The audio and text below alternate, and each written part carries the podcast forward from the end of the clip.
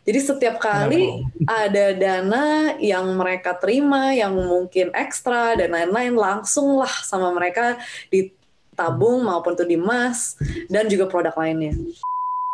Kalian tuh harus ada uh, sebagian uh, dana kalian di emas karena bisa menjaga kalau misalnya sampai ada kondisi seperti COVID dan lain-lain. Kadang-kadang ada banyak sekali hal, banyak sekali hal yang masih sebelum sebenarnya belum masuk ke peraturan dan lain-lain sebelumnya. Daily Social Podcast.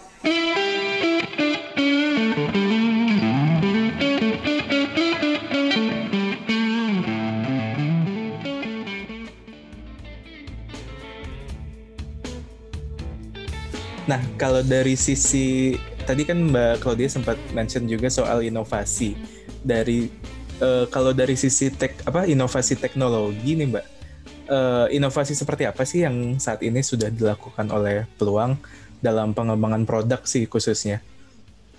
Nah, uh, sebenarnya ada beberapa hal. Uh, nomor satu, uh, karena kami itu bukan hanya B2C, kami juga harus uh, memenuhi kebutuhan partners-partners dan mitra kami, ya. Uh, jadi sehingga dari awal itu sistem kami itu udah dibangun berbasis microservices. Infrastruktur kami kami sudah bangun menggunakan Kubernetes dan lain-lain. Jadi uh, dari segi teknologi bisa dibilang kami salah satu yang paling canggih lah bisa dibilang. Nah, jadi untuk skala scaling dan membangun produk itu akan lebih mudah kalau memang infrastruktur kita dari awal dari segi teknologi itu udah udah kuat gitu kan. Nah, selain dari itu, kami juga berinovasi dengan membangun konsep seperti progressive web app dan lain-lain. Itu yang bisa uh, akan membantu mitra kami itu menerapkan produk kami di sistemnya mereka tanpa harus membuang waktu dengan uh, engineering resources dan lain-lain. Jadi bahkan uh, dari partner kami ada yang hanya butuh satu sampai dua hari untuk implementasikan uh, produk emas tabungan emas gitu di platformnya mereka. Nah, itu sih inovasi-inovasi yang kita uh, bangun untuk memudahkan terutama mitra-mitra kita. Mhm. Oke, okay. nah kalau itu kan untuk uh, yang sudah dilakukan. Kalau untuk ke depannya, kira-kira uh, inovasi seperti apa nih Mbak yang akan dilakukan? Nah, yang utama sih sebenarnya mitra yang salah satu yang penting untuk kita adalah bursa dan clearing house ya. Karena kita memang mhm. sebenarnya kayak untuk khusus untuk emas dan lain-lain, itu transaksinya itu berada di bursa dan di clearing. Nah, sebetulnya uh, bursa dan clearing itu kan mereka masih biasa dengan sistem konsep lama ya, di mana sebelumnya itu uh, mungkin pialang atau broker itu konsepnya masih uh, tradisional gitu kan. Nah, untuk kita bisa membangun konsep-konsep fintech, um, kita tetap kita harus menggandeng bursa dan clearing untuk juga bekerja sama untuk memperbaiki sistem mereka. Uh, dan kita juga bekerja sama dengan mereka untuk lebih integrasi lagi gitu. Misalnya dari segi software, API dan lain-lain, kita memang benar-benar uh, kerja sama dengan erat gitu. Nah, kenapa itu penting? Karena kita sebenarnya uh, dengan kita bisa lebih integrasi dengan bursa dan clearing, kita sebenarnya juga lebih efisien dari segi selisih harga atau dari segi likuiditas atau like, dari segi transparansi untuk nasabah kita itu akan lebih baik ke depannya kalau misalnya kita terus mengembangkan um, sistem kita di back end. Mm -hmm. Oke, jadi memang uh, penting sih untuk berinovasi terus ya uh, dari segi teknologi memang kan yang namanya fintech itu kan financial technology ya. Jadi teknologi memang jadi inti dari pengembangan produk dan bisnisnya. Uh, nah, kalau dari kalau sekarang mungkin kita ngobrolin soal pandemi nih Mbak. Jadi kan kita di Indonesia dan dunia sih sebenarnya kita menghadapi pandemi COVID-19 yang udah mulai mempengaruhi bisnis di Indonesia uh, mulai dari sekitar bulan Maret ya Mbak ya, Maret lalu. Nah, kalau dari peluang sendiri nih uh, kira-kira performa fintech investasi men mengalami penurunan atau justru peningkatan nih Mbak di masa pandemi seperti ini? Ya, untuk fintech investasi sih mungkin sama ya di um, uh, persaingan kami juga gitu ya. Sebenarnya meningkat banyak sih uh, lumayan dahsyat sebenarnya peningkatannya. Mungkin itu karena um, dari nasabah-nasabah kita banyak yang mungkin lebih takut ya atas kondisi ekonomi yang akan terjadi dalam beberapa bulan ini um, apa oleh karena COVID. Jadi mereka tuh lebih memikirkan malah menabung jadi setiap kali ada dana yang mereka terima yang mungkin ekstra dan lain-lain langsunglah sama mereka ditabung maupun itu dimas dan juga produk lainnya. Jadi uh, sebenarnya um, ini hal yang lumayan penting juga ya. Uh, jadi uh, emas itu sebenarnya produk yang lumayan cocok ketika ada ketidakpastian ekonomi. Jadi rata-rata kalau misalnya hmm. ekonomi itu nurun, turun di dunia, emas itu malah naik kan. Jadi hmm. uh, sekarang ini kita coba mengajarkan juga nasabah-nasabah kami bahwa kalian tuh harus ada uh, sebagian uh, dana kalian di emas karena bisa menjaga kalau misalnya sampai ada kondisi seperti COVID dan lain-lain. Hmm. Iya, memang apa namanya uh, emas itu salah satu yang investasi yang paling stabil ya, Mbak ya. Iya. Karena kebal terhadap inflasi kalau yang orang-orang bilang. Nah, kalau dari uh, peluang sendiri nih, Mbak, uh, dari kan kita udah menjala apa namanya mengalami pandemi sejak bulan Maret sampai sekarang juga belum selesai juga.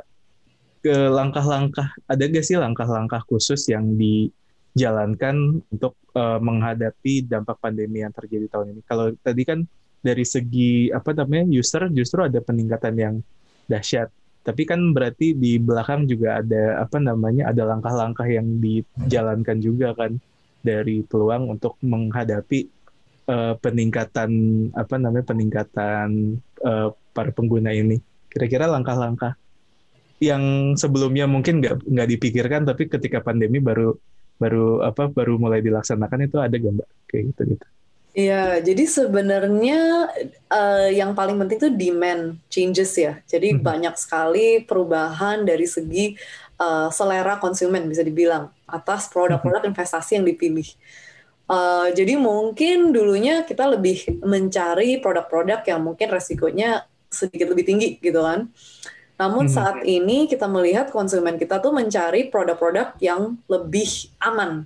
Jadi bisa dilihat di tahun ini sebenarnya malah Sun yaitu uh, obligasi pemerintah itu mengalami peningkatan penjualan yang dahsyat karena dilihat hmm. oleh nasabah bahwa itu produk yang aman.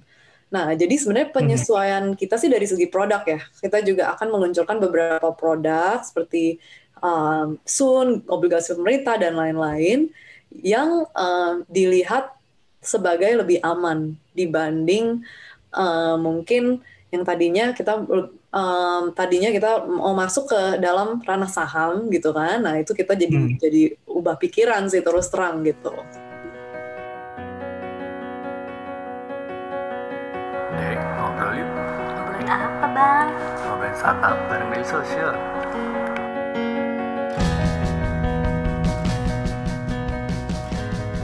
Daily Social Podcast. Oke. Nah, uh, kita mungkin uh, masuk ke pertanyaan yang ada di kolom chat ya, Mbak ya. Jadi ada ada udah ada masuk pertanyaan nih di YouTube channel kita. Uh, yang pertama dari Gregory S. Uh, gimana cara peluang untuk educate people untuk uh, investasi yang baru di Indonesia seperti S&P 500 kayak gitu. Iya betul. Sebenarnya itu menjadi tantangan sih uh, buat kita hmm. ya. Uh, sebenarnya literat uh, apa edukasi keuangan tuh yang mungkin tantangan terbesar lah bisa dibilang uh, bagi perusahaan fintech investasi ya. Uh, jadi kita tuh memang uh, sangat bekerja erat dengan partner-partner kami. Kayak contohnya baru beberapa uh, hari yang lalu aja kami mengadakan live show dengan Lazada dan lain-lain. Jadi sebenarnya kami betul-betul menggunakan dan apa um, akses dengan mitra-mitra kami itu untuk mengedukasi masyarakat. Nah, sebenarnya uh, terus terang uh, untuk produk-produk seperti SMP itu kita juga bereksperimentasi gitu. Sebenarnya kita juga mau lihat apa sebenarnya apakah ada demand dan um, apa minat dari nasabah kami untuk berinvestasi produk produk-produk yang mungkin terlihat berbeda gitu kan. Um, jadi itu sih yang menjadi pelajaran terus buat kami. Yang paling penting untuk kami itu adalah bagaimana kita terus belajar dari nasabah kami untuk menjual produk yang sebenarnya diinginkan oleh nasabah gitu. Oke. Kalau yang S&P 500 ini uh, awalnya gimana nih Mbak? Uh, kenapa memilih untuk meluncurkan produk baru dengan uh, investasi seperti ini? Iya, jadi kita sebenarnya dari awal masa kita pengen meluncurkan sesuatu yang belum ada, uh, belum ada di fintech lain gitu kan. Nah, uh, S&P 500 tuh kita melihat lumayan uh, menarik karena sebenarnya kalau di uh, uh, apa Indonesia dan di Asia itu perusahaan teknologi itu belum banyak. Jadi kita melihat hmm. untuk menawarkan diversifikasi untuk nasabah-nasabah kita kita perlu menawarkan suatu indeks di mana ada perusahaan-perusahaan uh, finance apa teknologi seperti Google, Facebook dan hmm. lain-lain gitu. Jadi intinya bukan kami itu menjual bahwa S&P itu lebih bagus dari IHSG atau apa ya. Jadi poinnya itu adalah yang kami ingin tawarkan adalah diversifikasi dan uniqueness gitu loh. Jadi produk yang memang belum ada di tempat lain gitu. Jadi kita hmm. selalu menyarankan ke nasabah kita coba untuk memikirkan konsep diversifikasi. Jadi bukan seluruh telur dimasukkan ke dalam SMP atau emas gitu kan, tapi mungkin sebagian. Hmm. Tapi tetap hmm. gitu, tetap uh, kami selalu sarankan sih tetap harus memiliki saham juga, uh, produk pendapatan tetap juga, reksadana juga gitu. Itu hal hmm. produk-produk yang kami tidak boleh lupakan juga gitu. Hmm. Jadi memang kalau investasi harus uh, banyak uh, apa namanya uh, apa namanya dananya harus dibagi-bagi ke berbagai hal gitu ya. Jadi ketika yang satu uh, mungkin mengalami apa namanya uh, kegagalan, dia masih masih punya cadangan yang lain. Mungkin itu yang mau di uh, edukasi juga kepada masyarakat gitu ya Mbak. Betul. Jadi sebenarnya kita tuh di peluang pengen ngajarin yang konsepnya diversifikasi. Jadi mungkin emas itu banyak milenial yang tidak tertarik dengan emas juga gitu kan. Nah sebenarnya uh, saya juga selalu explain bahwa uh, bahkan hedge funds di Amerika pun mereka tuh selalu mengalokasikan beberapa persen dari uh, investasinya itu ke emas karena emas itu sebagai hedging gitu kan. Jadi kita bisa melihat produk S&P juga sama gitu. Jadi sebenarnya dia tuh adalah salah satu produk yang kita bisa gunakan untuk diversifikasi um, di luar produk-produk yang ada di Indonesia. Seperti itu. Oke. Nah, mungkin balik lagi kepada edukasi yang tadi, Mbak. Jadi kan uh, kita sempat ngobrolin soal apa namanya literasi keuangan, kemudian edukasi juga dari kalau yang sekarang udah dilakukan uh, apa namanya dari cara-caranya apa aja sih Mbak untuk uh, mengedukasi masyarakat uh, mengenai fintech dan investasi kayak gitu Mbak yang Itu. sudah iya. dilakukan oleh peluang sendiri. Jadi terlepas dari webinar dan lain-lain, uh, hmm. kami tuh juga menjalin kerjasama dengan beberapa influencer. Itu karena kita lihat hmm. di kalau misalnya kita melihat survei nasabah kita dan lain-lain, sebenarnya sosial media itu adalah uh, salah satu channel yang lumayan utama dan lumayan penting bagi nasabah kami untuk belajar mengenai uh, keuangan gitu kan. Nah, memang sebenarnya tuh ada uh, media sosial itu ada seperti pedang bermata dua gitu. Yaitu dalam satu sisi kita bisa menggunakannya untuk mengajarkan uh, user dan nasabah kami. Namun juga ada banyak sekali uh, perusahaan ataupun orang yang sebenarnya suka memposting hal-hal yang menyesatkan gitu. Jadi sebenarnya itu uh, jobnya kita sih sebagai fintech dan lain-lain sebenarnya untuk uh, juga lebih transparan dan memberikan konsep-konsep dan sharing konsep-konsep edukasi keuangan yang lebih uh, lebih akurat gitu melalui social media. Jadi uh, uh, influencer itu kami lihat sih lumayan penting ya untuk peran ini. Jadi memang untuk amplify pesan-pesan yang ada apa namanya ingin disampaikan oleh peluang gitu ya mbak ya. Betul, betul. Mhm. Nah uh, kemudian uh, untuk uh, dari segi kalau tadi kan kita udah lihat apa namanya udah ngobrolin soal pandemi dari mulai uh, apa namanya uh, terjadi peningkatan drastis di apa di fintech investasi dari para penggunanya, kemudian dari user behaviornya juga berubah yang tadinya orang mungkin apa namanya lebih banyak uh, apa namanya menggunakan uangnya untuk uh, kebutuhan apa, tapi ketika pandemi uh, ketika mereka punya dana ekstra langsung di uh, dimasukkan ke investasi. Nah, uh, mungkin kita bicara lagi untuk di masa depan nih Mbak. Kita kan bentar lagi juga bakal menyongsong uh, tahun baru nih. Uh, kita juga nggak tahu nih pandemi akan segera berakhir atau enggak gitu kan. Nah, tapi kira-kira secara garis besar tantangan besar untuk fintech terutama di bidang investasi digital di Indonesia itu seperti apa sih Mbak ke depannya? Iya, jadi um, kompetitor makin banyak nomor satu. Hmm. Nomor dua sebenarnya itu uh, banyak sekali ya fintech yang saya bisa bilang tuh fintech bodong gitu ya. Hmm. Jadi uh, mereka itu mungkin uh, goalnya hanya untuk um, meraih pertumbuhan, tapi kadang-kadang mereka sebenarnya tidak ada integritas juga gitu. Nah itu sebenarnya menjadi hmm. tantangan karena ketika ada nasabah yang melihat suatu fintech itu tidak bisa dipercaya atau hmm. bodong, hmm otomatis seluruh industri fintech akan terdampak juga. Hmm. Gitu, sebenarnya. Jadi uh, dengan uh, terutama uh, COVID gitu kan, apalagi ada banyak sekali perusahaan fintech yang mungkin di bidang peer-to-peer dan lending dan lain-lain. Kalau misalnya sampai ada uh, kondisi yang membuat nasabah itu lose faith gitu kan, itu akan sangat berdampak ke seluruh industri fintech. Jadi ya uh, sebenarnya itu kenapa uh, saya selalu uh, lumayan aktif juga mengingatkan para founder fintech lainnya bahwa sebenarnya uh, kepercayaan nasabah itu penting sekali dan kita sebagai uh, founder pembangun bisnis kita itu harus sama-sama menjaganya gitu dan itu peran hmm. yang sangat penting buat uh, pembangun bisnis fintech itu sih. Oke. Okay. Jadi memang uh, walaupun yang apa namanya yang bermasalah di bidang P2P misalnya, tapi tetap aja semua fintech mulai dari payment, investasi, semuanya juga kebagian karena membawa payung besar fintech gitu ya Mbak ya? Iya betul dan banyak nasabah itu um, sebenarnya melihatnya tuh ya sama aja mau ini fintech um, payment atau fintech peer to peer mungkin mereka nggak nggak terlalu membedakan gitu. Itu sih. Jadi uh, kita sangat sangat memang pengen banget untuk uh, meningkatkan kepercayaan masyarakat.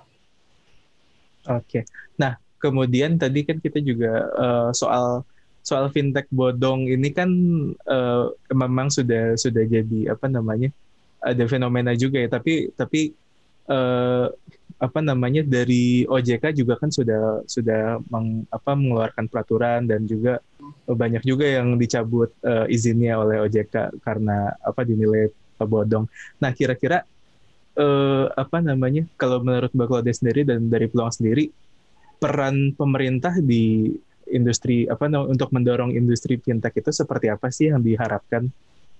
Ya, jadi itu sangat penting sih. Jadi um, sebenarnya hmm. OJK dan maupun Bapeti mereka tuh sebenarnya udah hmm. banyak melakukan uh, perbaikan gitu kan. Uh, dan namun ini kita memang um, terus harus sebenarnya bukan hanya di regulator ya yang harus um, um, peka gitu. Kita juga sebagai fintech founders kita juga harus mau diregulasi dan kita juga harus mau transparan. Karena kadang-kadang terkadang banyak sekali karena memang teknologi atau fintech itu memang kemajuannya cepat sekali. Kadang-kadang ada hmm. banyak sekali hal, kayak contoh emas digital gitu ya, banyak sekali hal yang masih sebelum sebenarnya belum masuk ke peraturan dan lain-lain sebelumnya, gitu kan.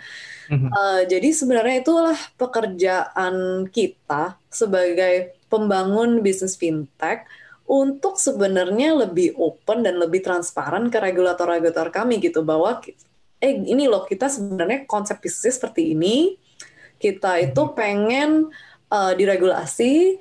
Kita itu juga pengen transparan dan sebenarnya niat kita itu baik gitu. Niat kita dan regulator tuh sama, adalah untuk menjaga konsumen. Jadi um, kalau misalnya um, kita bisa sebagai founder bisnis kita tuh bisa mengajak regulator dan bisa lebih kerjasama lebih erat dengan mereka dan bukan melihat mereka sebagai uh, apa kayak uh, inconvenience gitu ya, tapi hmm. melihat mereka sebagai benar-benar mitra. Nah kita bisa sama-sama tuh menjaga nasabah-nasabah kita gitu. Jangan lupa subscribe Ngobrolin Startup Daily Social Podcast di SoundCloud, Spotify, atau aplikasi podcast favorit kamu.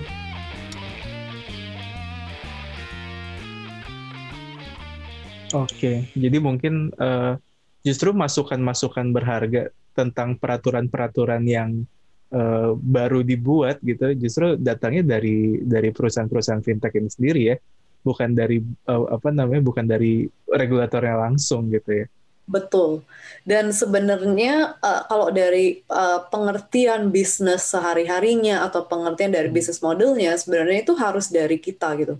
Dan kita yang harus hmm. berinisiatif untuk mendatangi ke uh, regulator-regulator dan mengajak mereka kerjasama gitu. Jadi sebenarnya um, mungkin ada beberapa yang um, fintech yang merasa oh saya nunggu aja deh nunggu aja sampai diregulasi gitu kan. Yang penting saya abu-abu sampai diregulasi gitu. Nah tapi itu agak membahayakan konsumen karena kadang-kadang regulasi itu ada untuk menjaga konsumennya.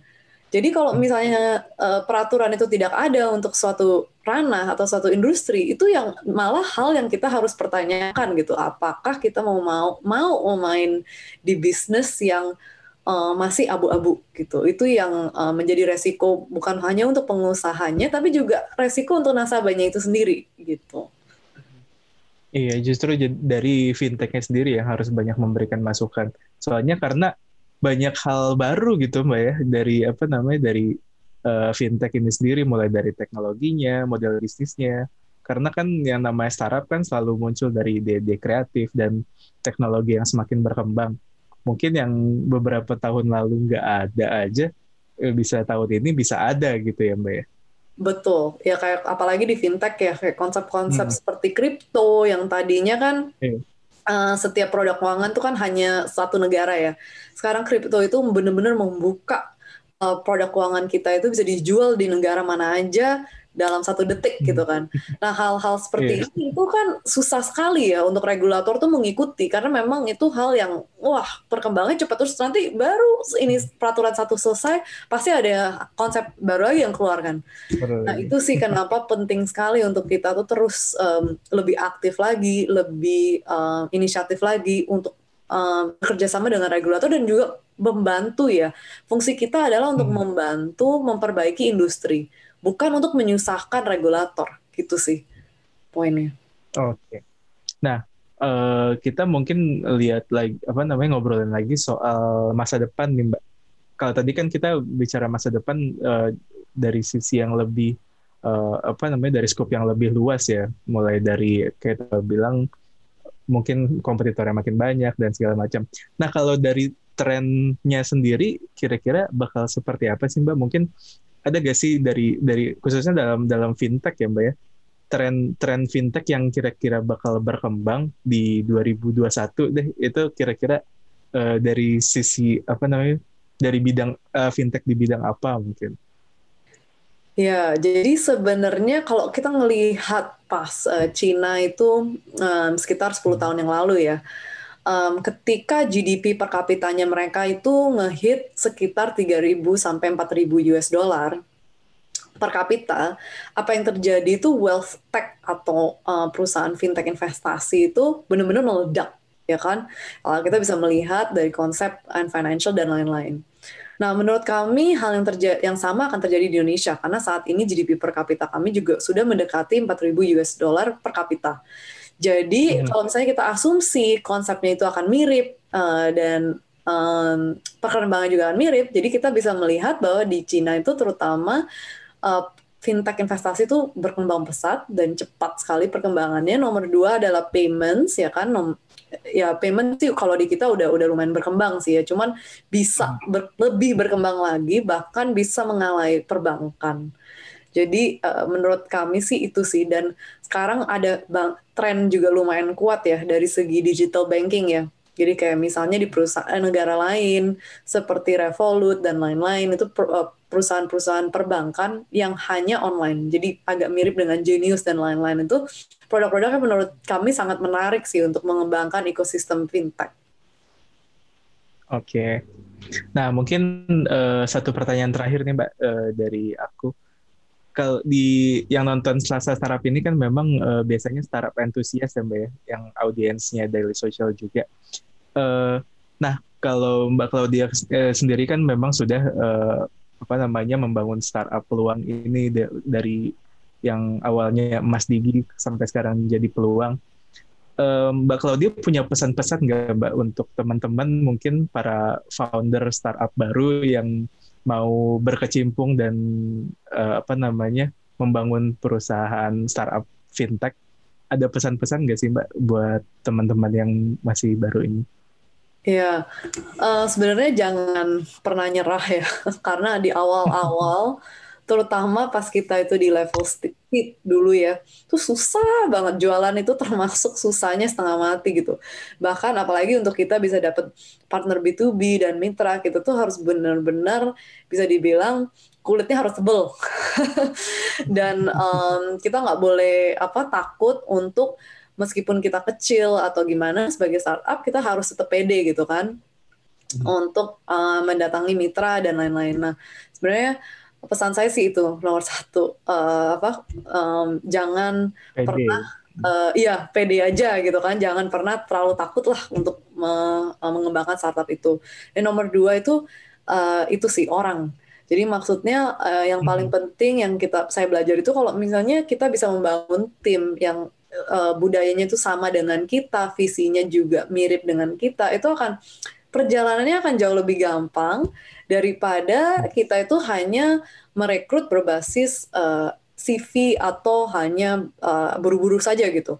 Jadi uh, sebenarnya paling penting itu kita lebih berhati-hati ketika mencari um, karyawan. atau tim gitu kan di awal gitu. Karena itu yang sebenarnya orang itulah ujung-ujungnya yang akan membangun bisnis startup Anda gitu. Karena kalian kan cuma satu orang kan. Kita sebagai founder tuh hanya satu orang gitu kan tapi tim itu yang bisa sebenarnya uh, membangun dan benar-benar meng, apa result in something yang much bigger gitu. Itu sih yang hmm. penting.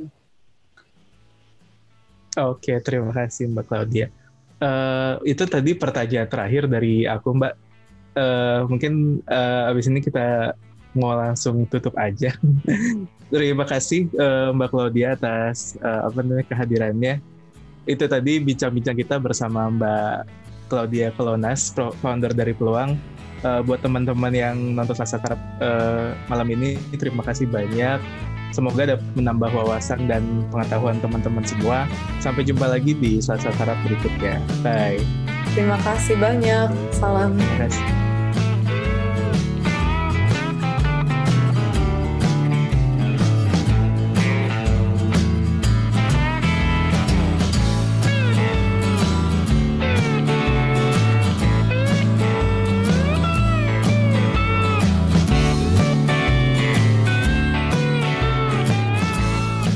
Keep in touch bersama kita di dailysocial.id untuk website kita. Di Facebook kita ada dailysocial.id, di Twitter kita ada @dailysocial dan di Instagram kita ada @dailysocial.id. Di LinkedIn kita ada Daily Social dan di YouTube kita ada Daily Social.